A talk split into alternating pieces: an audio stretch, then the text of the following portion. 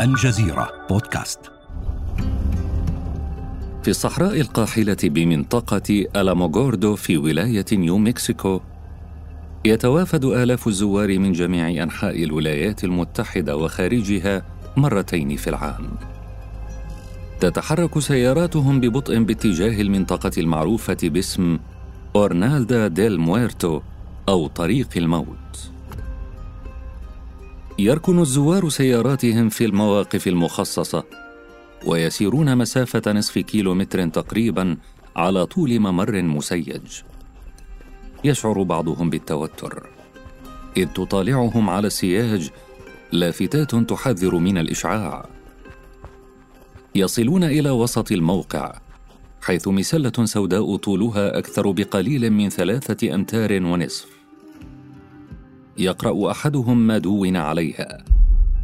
موقع ترينيتي حيث فجر أول جهاز نووي في العالم في السادس عشر من يوليو تموز عام 1945 وسط هذه الصحراء القاحلة انطلق العصر النووي بعد نجاح تجربة ترينيتي التي كانت ثمرة سنوات من العمل في مشروع منهاتن السري.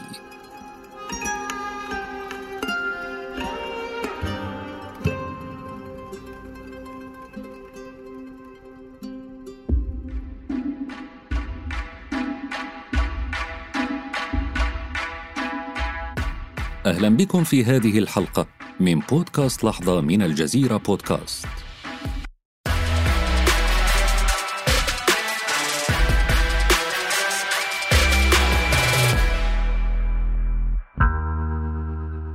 بدأ الطريق إلى ترينيتي قبل ذلك بسنوات وخارج حدود الولايات المتحدة عندما نجح أستاذ الفيزياء النظرية الإيطالي إنريكو فيرمي عام 1934 في شق عنصر اليورانيوم بعد قصفه بالنيوترونات.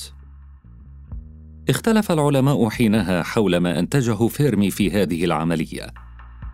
وعلى مدى السنوات العديدة التالية ستجرى محاولات للتعرف على طبيعة المواد التي نتجت عن تجربة فيرمي ومن ألمانيا النازية جاءت الإجابة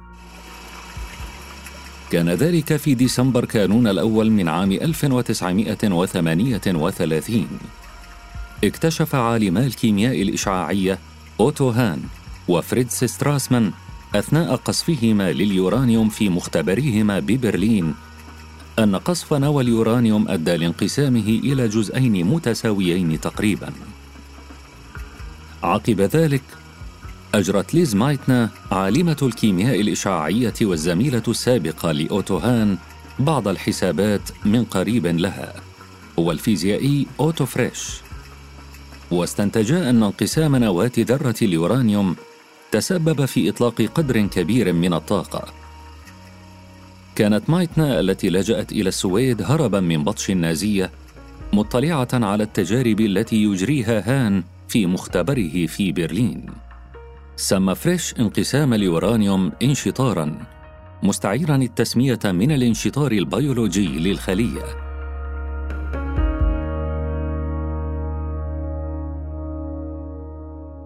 Basically, you take a large يبدأ الأمر بوجود ذرة كبيرة وثقيلة مكونة من نواة من النيوترونات وهي جسيمات متعادلة الشحنة أي ليس لها شحنة كهربائية وبروتونات ذات شحنة كهربائية موجبة. تشكل هذه الجسيمات مركز الذرة أي النواة هذه سينثيا كيلي مؤسسة ورئيسة مؤسسة التراث الذري تشرح عملية الانشطار النووي.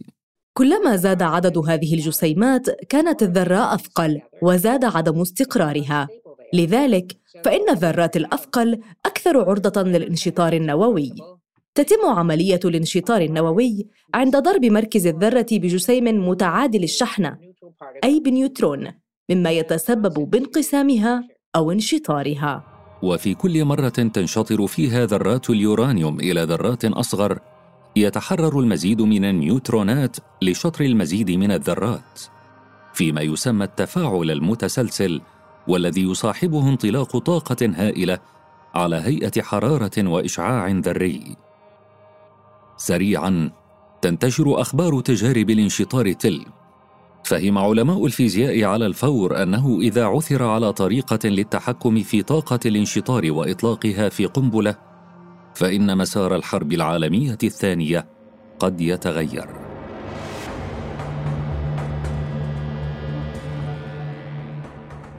سببت هذه الأنباء القلق لعالم الفيزياء المجري المقيم بالولايات المتحدة ليو سيلارد كان سيلارد منشغلا بالفعل بالأبحاث الخاصة بالطاقة وأدرك أن هذا الاكتشاف يعني امتلاك ألمانيا القدرة والمعرفة العلمية اللازمة لتطوير سلاح ذري. الأستاذ المساعد للعلاقات الدولية بجامعة دنفر الأمريكية أحمد عبد ربه يوضح أصل هذه المخاوف.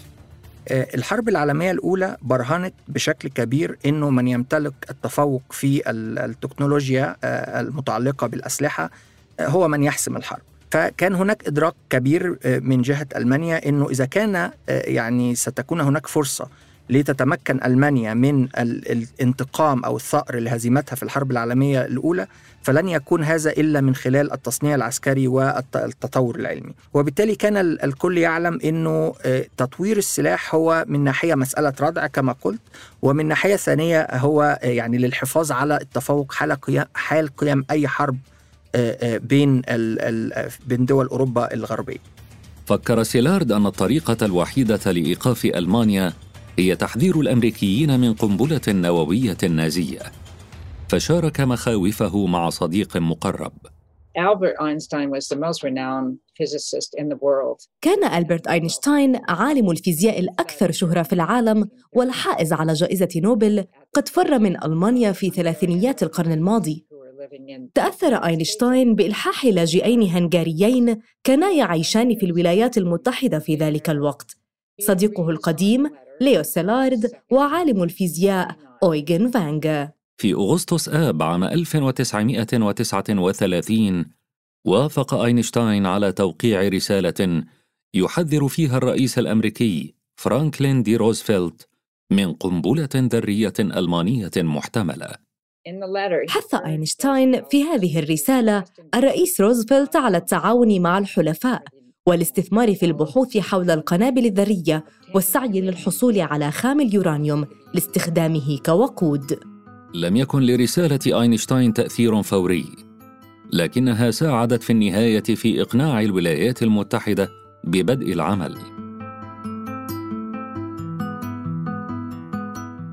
وأخيرا بعد أقل من ثلاثة أشهر رد روزفلت على خطاب أينشتاين وأوضح أنه أمر بتأسيس لجنة مكونة من عدد من ممثلي الجيش والبحرية الأمريكية لدراسة مادة اليورانيوم. وكان هذا القرار الأول من بين قرارات عديدة أدت في النهاية إلى إنشاء مشروع منهاتن مشروع منهاتن هو الاسم الحركي الذي أطلق على مشروع سري للغاية نفذته الولايات المتحدة لتطوير سلاح نووي فعال خلال الحرب العالمية الثانية. رغم قرار روزفلت أعاقت إجراءات بيروقراطية وتخبط في القيادة تقدم المشروع بالسرعة التي كان يتمناها العلماء.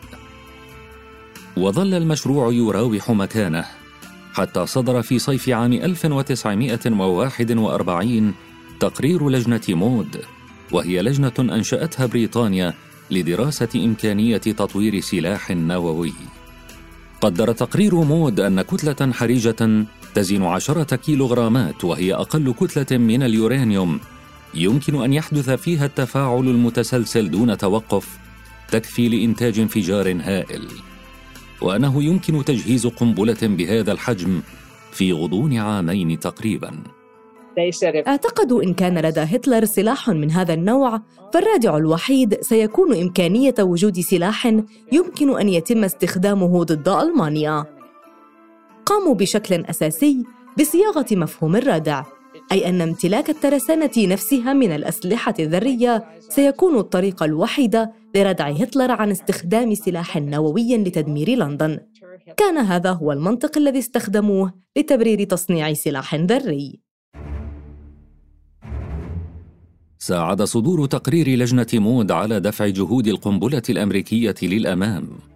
إذ أمر روزفلت اللجنة الأمريكية التي شكلها سابقا بالتحرك بأسرع ما يمكن لاستكشاف آفاق تطوير القنبلة. أرسلت اللجنة الأمريكية نتائجها لكن روزفلت لم يرد على تقرير اللجنة على الفور.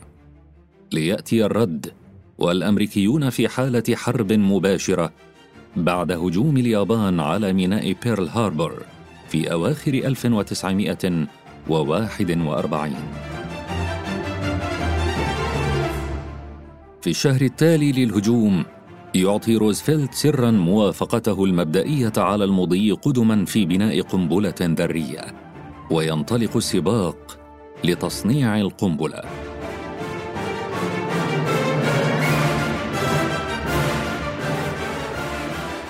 أسست مجموعة مهندسي مقاطعة منهاتن عام 1942 بمهمة معلنة هي تنفيذ المشاريع الخاصة التي يكلفها بها رئيس المهندسين. أما مهمتها الحقيقية غير المعلنة، فكانت تطوير واختبار قنبلة ذرية. أول اسم مقترح للمشروع كان مختبر تطوير المواد البديلة. لكن القائمين على المشروع خشيوا أن يلفت هذا الاسم الانتباه. وبدلا من ذلك قرروا اتباع الإجراء المعتاد لتسمية المشروعات الهندسية التابعة لفيلق المهندسين بالجيش الأمريكي حسب المنطقة الجغرافية للوحدة التابعة لها.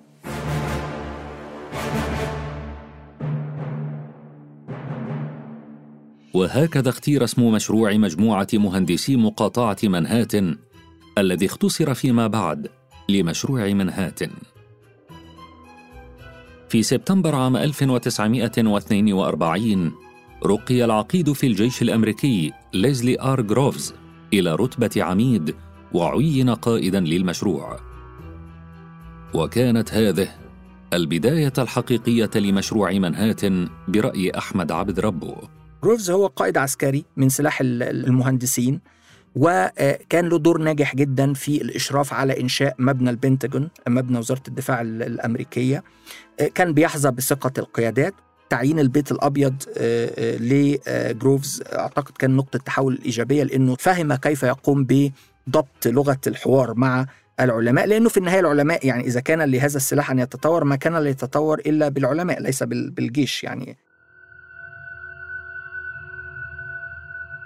طوال العام السابق لإطلاق مشروع منهاتن كان عالم الفيزياء الأمريكي روبرت أوبنهايمر يجري أبحاثا على النيوترونات.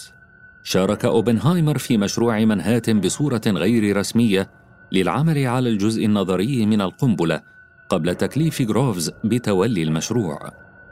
وخلال لقاءات جروفز مع مختلف العلماء المشاركين في المشروع قابل أوبنهايمر. أعجب بذكائه في أول لقاء جمعهما وقرر ضمه للفريق بصورة رسمية. brilliance. لقد رأى جروفز في أوبنهايمر هذا التألق وقدرته على فهم المشروع بجميع أبعاده وكان يحظى باحترام العلماء الذين عملوا معه لذا اختاره ليعتمد عليه. كان لهذه العلاقة دور مهم في جعل المشروع النووي واقعاً. كون الاثنان فريقا متناغما. فبينما تمتع جروفز بالالتزام والمبادرة والقدرة على دفع البيت الأبيض والجيش الأمريكي لتلبية مطالب العلماء كان أوبنهايمر يتمتع بقدرة كبيرة على الإقناع ومعرفة جعلته يحيط بكافة الجوانب العلمية المتعلقة بالمشروع. كانا مختلفين جدا جدا ولكن كل منهما رأى في الآخر فرصة لتحقيق طموحاته الخاصة. وفي خريف عام 1942 وقع الاختيار على منطقة لوس ألاموس في صحراء ولاية نيو مكسيكو الأمريكية لتأسيس مختبر لتطوير القنبلة وعين أوبنهايمر مديرا للموقع. ثم بدأت مجموعة من أبرز العقول العلمية في العالم تتوافد إلى تلك البقعة المقفرة. في الأثناء كان عالم الفيزياء الإيطالي إنريكو فيرمي قد انتقل إلى الولايات المتحدة خوفا على حياة زوجته اليهودية إذ سنت إيطاليا حينها قوانين معادية لليهود. وما لبث أن وصل الولايات المتحدة حتى انخرط في تجارب الانشطار النووي. نجح في إجراء أول تفاعل نووي متسلسل ومتحكم فيه في العالم كجزء من عمله في مختبر جامعة شيكاغو للمعادن. بعد النجاح في شيكاغو وظف أوبنهايمر فيرمي للعمل رسميا في مشروع منهاتن وانضم إلى مختبر لوس ألاموس. وهناك بدأت مرحلة جديدة من الجهود الأمريكية لتصنيع القنبلة. لم تكن مهمة فريق لوس ألاموس سهلة. كان عليهم تصنيع سلاح من مادة لم تكن موجودة حتى ذلك الوقت سوى في أذهان العلماء. لقد مروا مع أوبنهايمر بالكثير من النجاحات والإخفاقات وعانوا الكثير من المتاعب. لم يكن بالأمر السهل تصميم قنبلة بلوتونيوم. وهو عنصر تم اكتشافه عام 1940 وفصله عام 1941 ليتم استخدامه في صناعة قنبلة عام 1945 توالت هذه الأحداث بسرعة كبيرة جدا لذا كان هناك الكثير من الشكوك حول نجاح العملية. وصل المشروع إلى طريق مسدود في ربيع عام 1944 حتى أن أوبنهايمر قدم استقالته. لم يتمكنوا من تصميم قنبلة اليورانيوم والتصميم الذي كان لديهم لم يكن لينجح مع قنبلة البلوتونيوم. ولم يكن لديهم فكرة عما يمكن فعله لإنجاح الأمر. لكن جروفز لم يقبل بالاستسلام. واصل جروفز الضغط على أوبنهايمر. قال لا لا لا. عليك أن تستمر في المحاولة. يمكنك أن تفعل ذلك. عليك أن تفعل ذلك. افعل ذلك بشكل أسرع وأفضل. عليك أن تنجح. كان جروفز محقا. إذ أعاد أوبنهايمر تنظيم مختبر لوس ألاموس خلال أشهر ليتحول من مجرد كيان بحثي إلى كيان تطوير وإنتاج. وخلال الربع الأول من عام 1945 جرت الموافقة على تصميم خاص بقنبلة يورانيوم وسلاح مجهز بالبلوتونيوم في المرحلة نفسها.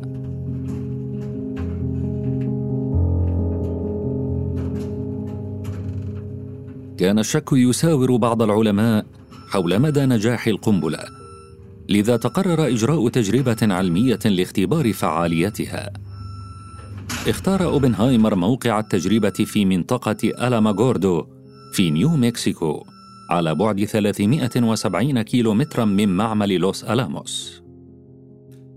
أطلق أوبنهايمر على الموقع اسم ترينيتي أي الثالوث مستلهما أحد قصائد الشاعر الإنجليزي جون دون. أمريكا وبريطانيا وكندا اللي هم الثلاث دول اللي كانوا معنيين بالأمر آه، في مشروع منهاتن يعني حبسوا أنفسهم في هذا اليوم. تخيل أنت مشروع أبحاثه بدأت قبل ست أو سبع سنوات والمشروع نفسه كمشروع إنشائي وبحثي وسياسي وعسكري بدأ قبل أربع أو خمس سنوات. أنفقت ما يقرب من 20 مليار دولار بأسعار تلك الفترة. عينت ما يقرب من 130 ألف ما بين مهندس وعالم وعمال إنشاءات وكذا. تخيل أنه كل هذا سيحسم في دقائق حينما نرى إذا كانت القنبلة ستنفجر أم لا وإذا كان التأثير المتوقع سيحدث أم لا. وبالتالي أهمية هذا اليوم هو أنه هو يوم النتيجة ويوم رؤية مشهد لم يتكرر كثيرا سوى حينما تم الاستخدام السلاح الفعلي على البشر في في هيروشيما وناجازاكي بحلول الساعة الخامسة مساء من يوم الخامس عشر من يوليو تموز عام 1945 كانت القنبلة التجريبية قد ركبت ورفعت فوق برج يبلغ ارتفاعه ثلاثين متراً. وصل الجنرال جروفز وآخرون إلى منطقة الاختبار وكانت السماء تمطر. شعر الجميع بالتوتر. فكل شيء متوقف على تحسن الجو. في الساعة الرابعة فجر اليوم التالي توقفت الأمطار. أعدت القنبلة للإطلاق وانسحب الجميع إلى موقع المراقبة. بدأ العد التنازلي. بدت تلك الثواني الأخيرة قبل انطلاق التجربة وكأنها دهر للعلماء المنبطحين أرضا. ثلاثة اثنان واحد.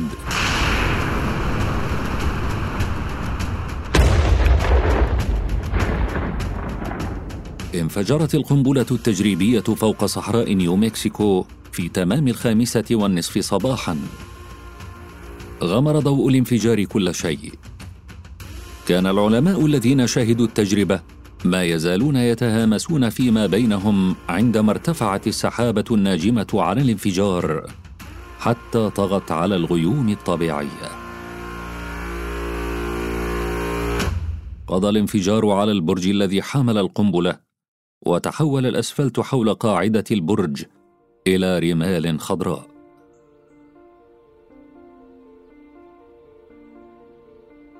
مع تمدد كرة النار البرتقالية والصفراء الناجمة عن الانفجار وانتشارها أخذت السحابة شكل الفطر. ثم ارتفعت لحوالي ثلاثة عشر مترا وتركت حفرة في الأرض بلغ عمقها ثلاثة أمتار وعرضها أكثر من 300 متر.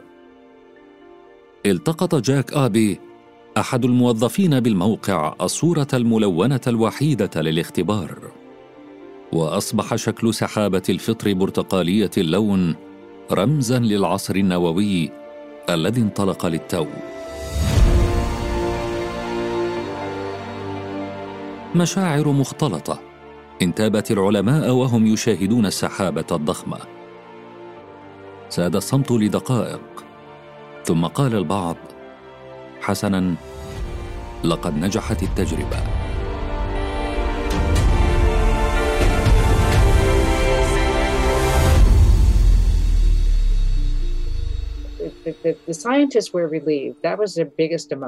أعتقد أن العلماء تنفسوا الصعداء بعد الاختبار. كان الإحساس بالراحة هو الشعور الطاغي. شعروا بالرهبة لأن السحابة التي اتخذت شكل فطر كانت ضخمة وملونة. لقد كان ضوءها مذهلا وصوت الانفجار كان ساحقا لكن كان العديد منهم متوجسين. كان نجاح الاختبار نعمة ونقمة في الوقت نفسه. كانوا سعيدين لأن الاختبار نجح لكنهم كانوا يشعرون بالقلق. كانوا يتساءلون ماذا سيحدث الآن؟ ذكر الموقف أوبنهايمر بجملة من الكتاب المقدس لدى الهندوس تقول الآن لقد أصبحت الموت مدمر العوالم. اختلف المؤرخون حول ما عناه أوبنهايمر بذلك. هل كان يشعر بالندم على دوره في صناعة هذا السلاح التدميري؟ يعني أنا بعتقد زيه زي أي إنسان يعني كان بداخله الأمرين الرغبة في النجاح العلمي والزهو بتحقيق يعني طفرات علمية وفي نفس الوقت ربما أدرك في مرحلة لاحقة من حياته المأساة التي يعني شارك في في صناعتها أو هو في الحقيقة كان هو المصنع الرئيسي له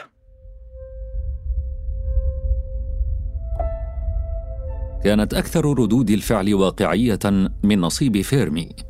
فبعد حوالي أربعين ثانية من الانفجار وقف فيرمي ونثر قصاصات ورق في الرياح الذرية. ثم بمراقبته انحراف القصاصات قدر فيرمي أن الاختبار أطلق طاقة تعادل عشرة آلاف طن من مادة تي إن تي. كان قد حسب في وقت مبكر إلى أي مدى يمكن لموجة الانفجار أن تحرك قطعا صغيرة من الورق وأراد اختبار حساباته. النتيجة الفعلية كما جرى حسابها في وقت لاحق كانت أكثر من ضعف ما قدره فيرمي بهذه التجربة وأربعة أضعاف ما توقعه معظم من في لوس ألاموس.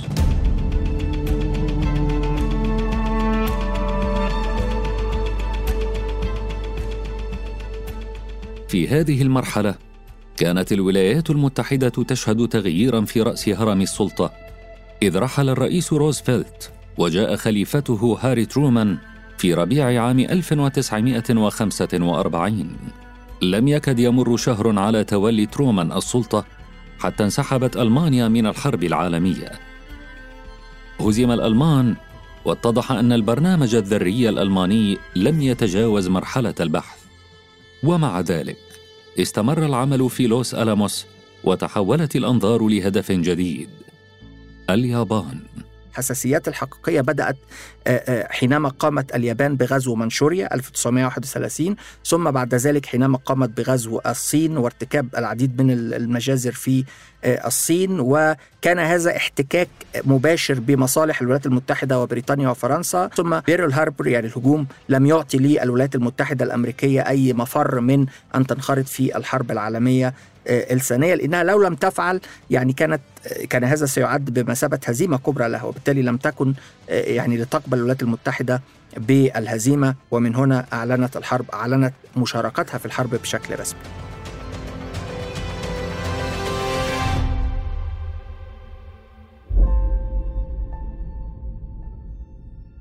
لقد خرج المارد النووي بالفعل من القمقم ولم يعد من الممكن إيقافه.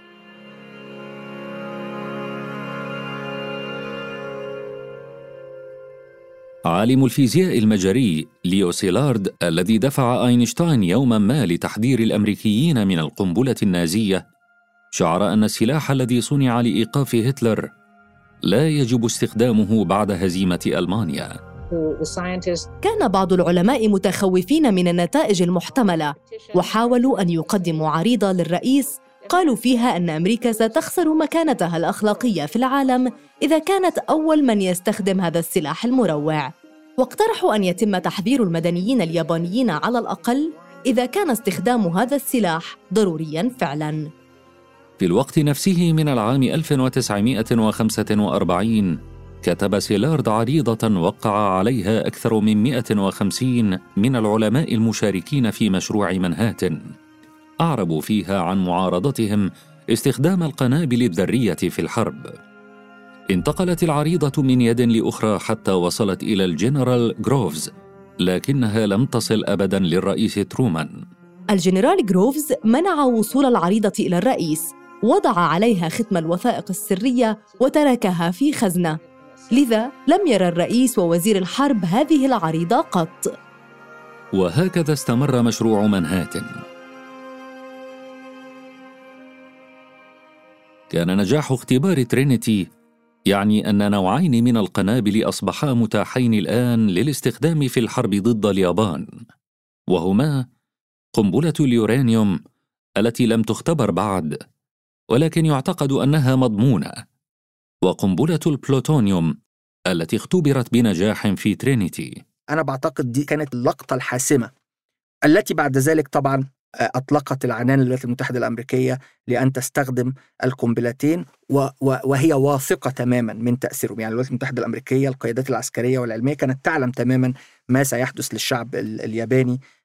وليس صحيح على الأقل في قراءتي وفي فهمي ليس صحيح أنه تفاجئوا. يعني هذا في بعض الأفلام بتقول بتتكلم عن مفاجأة أو أنا في تقديري كان معروف تماما ماذا سي... ربما المفاجأة جت من أنه يروا البشر يعني وهم بيعانوا لكن التأثير والتدمير كان متوقع وكان محسوب بدقة قبل الإلقاء الفعلي في 6 أغسطس 1945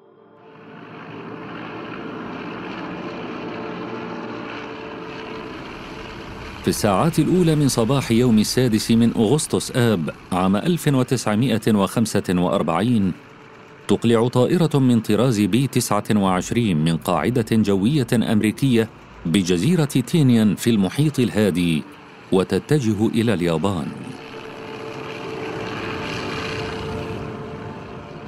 وفي حوالي الساعة الثامنة والربع صباحا بتوقيت هيروشيما تطلق الطائرة قنبلتها التي سماها الأمريكيون ليتل بوي وتعني الولد الصغير.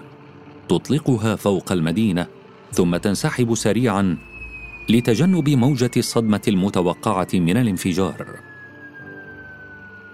بعد ثلاث وأربعين ثانية يضيء انفجار ضخم سماء هيروشيما.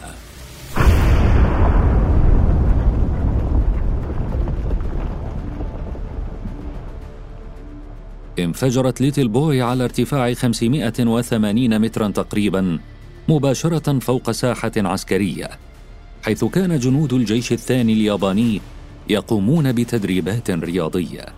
لا يعرف أحد على وجه اليقين عدد القتلى نتيجة ذلك الهجوم. تقدر الأعداد بنحو سبعين ألف شخص نتيجة للانفجار الأولي والحرارة والتأثيرات الإشعاعية. وذلك حسب تقدير الجانب الأمريكي. بينما قدرت اليابان عدد القتلى بمئة وأربعين ألفاً. في تمام الساعة الحادية عشرة صباحا بتوقيت العاصمة واشنطن بثت المحطات الإذاعية بيانا من الرئيس ترومان يبلغ فيه الجمهور الأمريكي بأن الولايات المتحدة ألقت نوعا جديدا تماما من القنابل على مدينة هيروشيما.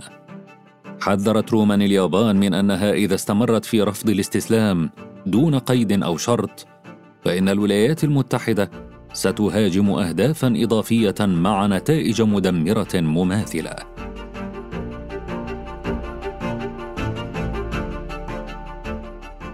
رفض اليابانيون الاستسلام وبعد ثلاثة أيام من إعلانهم ذاك وفي الساعة الثالثة وسبع وأربعين دقيقة صباحا تنطلق طائرة ثانية من جزيرة تينيان وتتجه نحو مدينة كوكورا اليابانية. يفاجأ قائد الطائرة بسحاب كثيف يغطي سماء المدينة. ثم يبدأ اليابانيون بإطلاق أسلحة مضادة للطيران على الطائرة الأمريكية. يتقرر تحويل الهدف إلى مدينة ناغازاكي. في الساعة الحادية عشرة ودقيقة واحدة صباحا تنفجر قنبلة فاتمان وتعني الرجل البدين على ارتفاع 500 متر تقريبا فوق ناغازاكي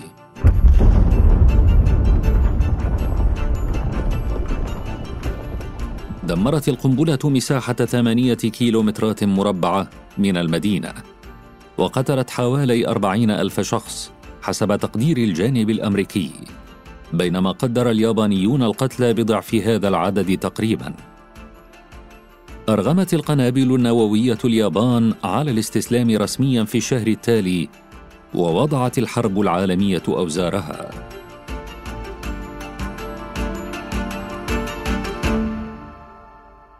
يتساءل كثيرون هل تعتبر عملية إسقاط القنبلتين على هيروشيما وناغازاكي جريمة حرب؟ سؤال أخلاقي دار حوله جدل بين الساسة والعسكريين. منهم من اعتبره جريمة أخلاقية تقترب من الأفعال البربرية. ومنهم من افترض أن عدم إلقاء القنبلة كان سيؤدي لمقتل آلاف الجنود الأمريكيين بسبب غزو اليابان. لكن لسينثيا كيلي رأي آخر. أعتقد أننا نستخدم الإطار المرجعي لعام 2022 وهذا غير عادل على الإطلاق. علينا أن ننظر إلى حقيقة أنها كانت حربا معلنة من الجانبين. لم تكن عملية عسكرية خاصة. كانت هذه حرب واليابان كانت ترفض الاستسلام.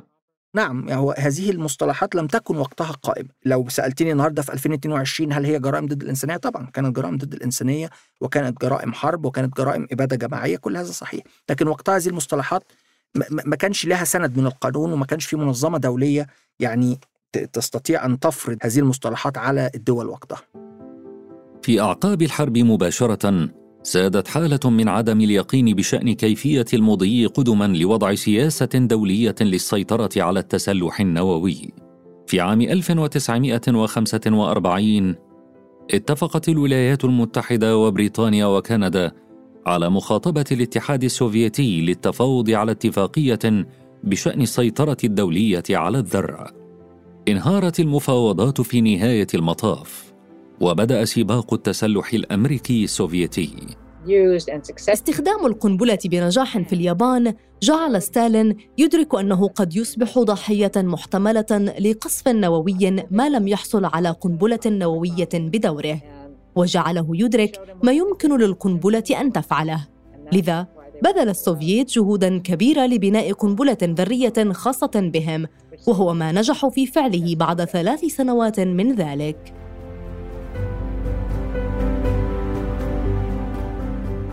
أدى نجاح مشروع منهات إلى دخول العصر النووي وتحديد كيفية خوض الحرب التالية الحرب الباردة.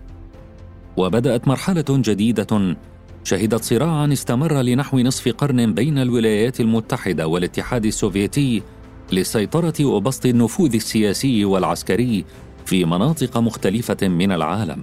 أهمية المشروع هو أنه كان بمثابة بداية حقيقية لما نسميه الآن الأسلحة غير التقليدية بداية حقيقية لتعظيم دور الولايات المتحدة الأمريكية على المستوى الدولي وبداية لسباق تسلح لامتلاك ليس فقط أسلحة تقليدية ولكن أسلحة غير تقليدية سواء نووية أو أو بيولوجية أو غيرها. وبالتالي هي باختصار يعني غيرت العالم كل هذا هذا المشروع غير العالم كله وغير طبيعة السياسات الدولية وأعاد تنظيم القوى. بريطانيا لم تعد هي القوى العظمى ولكن الولايات المتحدة الأمريكية أصبحت هي القوى العظمى. الاتحاد السوفيتي رغم أنه كان يحارب في صف الولايات المتحدة الأمريكية خلال الحرب العالمية الثانية لكن ارتأى بسبب المنافسة حول امتلاك السلاح النووي أن يعني يكون له مشروع الخاص بل وقام أيضا بالتجسس على المشروع الأمريكي.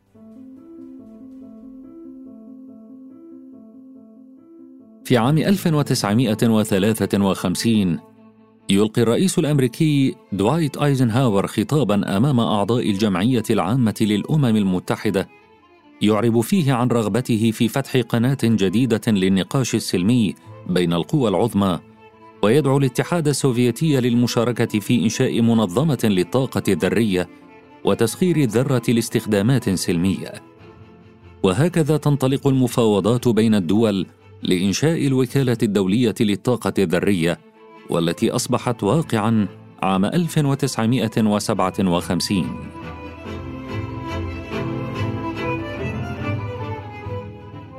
ومن فيينا سعت الوكالة الوليدة لتشجيع الاستخدام السلمي للطاقة الذرية والعمل على حظر انتشار الأسلحة النووية. وتم بالفعل توقيع معاهدة حظر هذه الأسلحة سنة 1968 فهل زال بذلك خطر استخدام السلاح النووي؟ لا يبدو ذلك محتملا. فاليوم تمتلك تسع دول نحو ثلاثة عشر ألف رأس نووي حربي. يتركز تسعون بالمئة منها في الولايات المتحدة وروسيا. هوس امتلاك السلاح النووي لم يتوقف؟ والتهديد باستخدام السلاح النووي لم يتوقف حتى اللحظة اللي إحنا بنتكلم فيها وأعتقد أنه في وقت ما للأسف قد نشهد تهور من جانب أحد الأطراف باستخدام هذا السلاح. وبالتالي رغم أمنيتي طبعا ده أنه ده لا يحدث لأنه هيكون مأساة كبيرة لكن لا أستبعد إمكانية أن يحدث مرة ثانية لأنه معياري دايما هو أنه القانون الدولي. اتفاقيات التي وقعت دوليا لعدم امتلاك أسلحة نووية وعدم امتلاك أسلحة دمار شامل بشكل عام لم تحترم. ولم تحترم من الدول الكبرى قبل الدول الصغرى. فطالما ليس لديك قانون دولي يعني هو موجود لكن يعني طالما لا يطبق فتستطيع أن تتوقع أي شيء.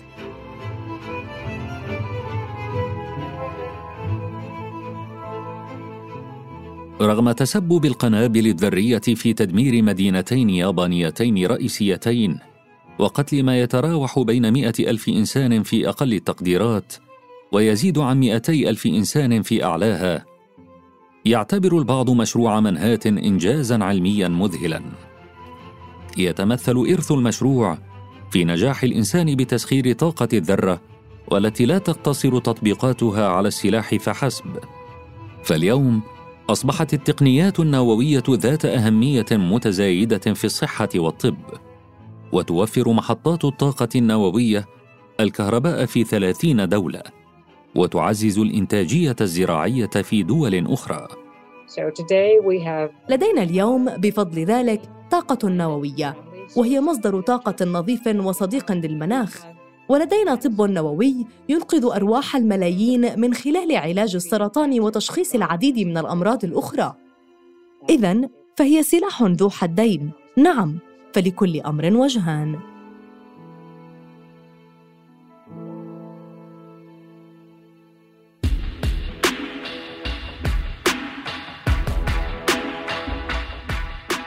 وأنتم ما رأيكم؟ هل تهزم سلمية الذرة سلاحها؟ شاركونا آراءكم وتعليقاتكم. في الحلقات المقبلة من بودكاست لحظة سنحكي لكم عن لحظات مفصلية أخرى من تاريخ منطقتنا والعالم. انتظرونا ولا تنسوا زيارة موقعنا على الإنترنت podcast.aljazeera.net ومشاركة هذه الحلقة. مع أصدقائكم. إلى اللقاء.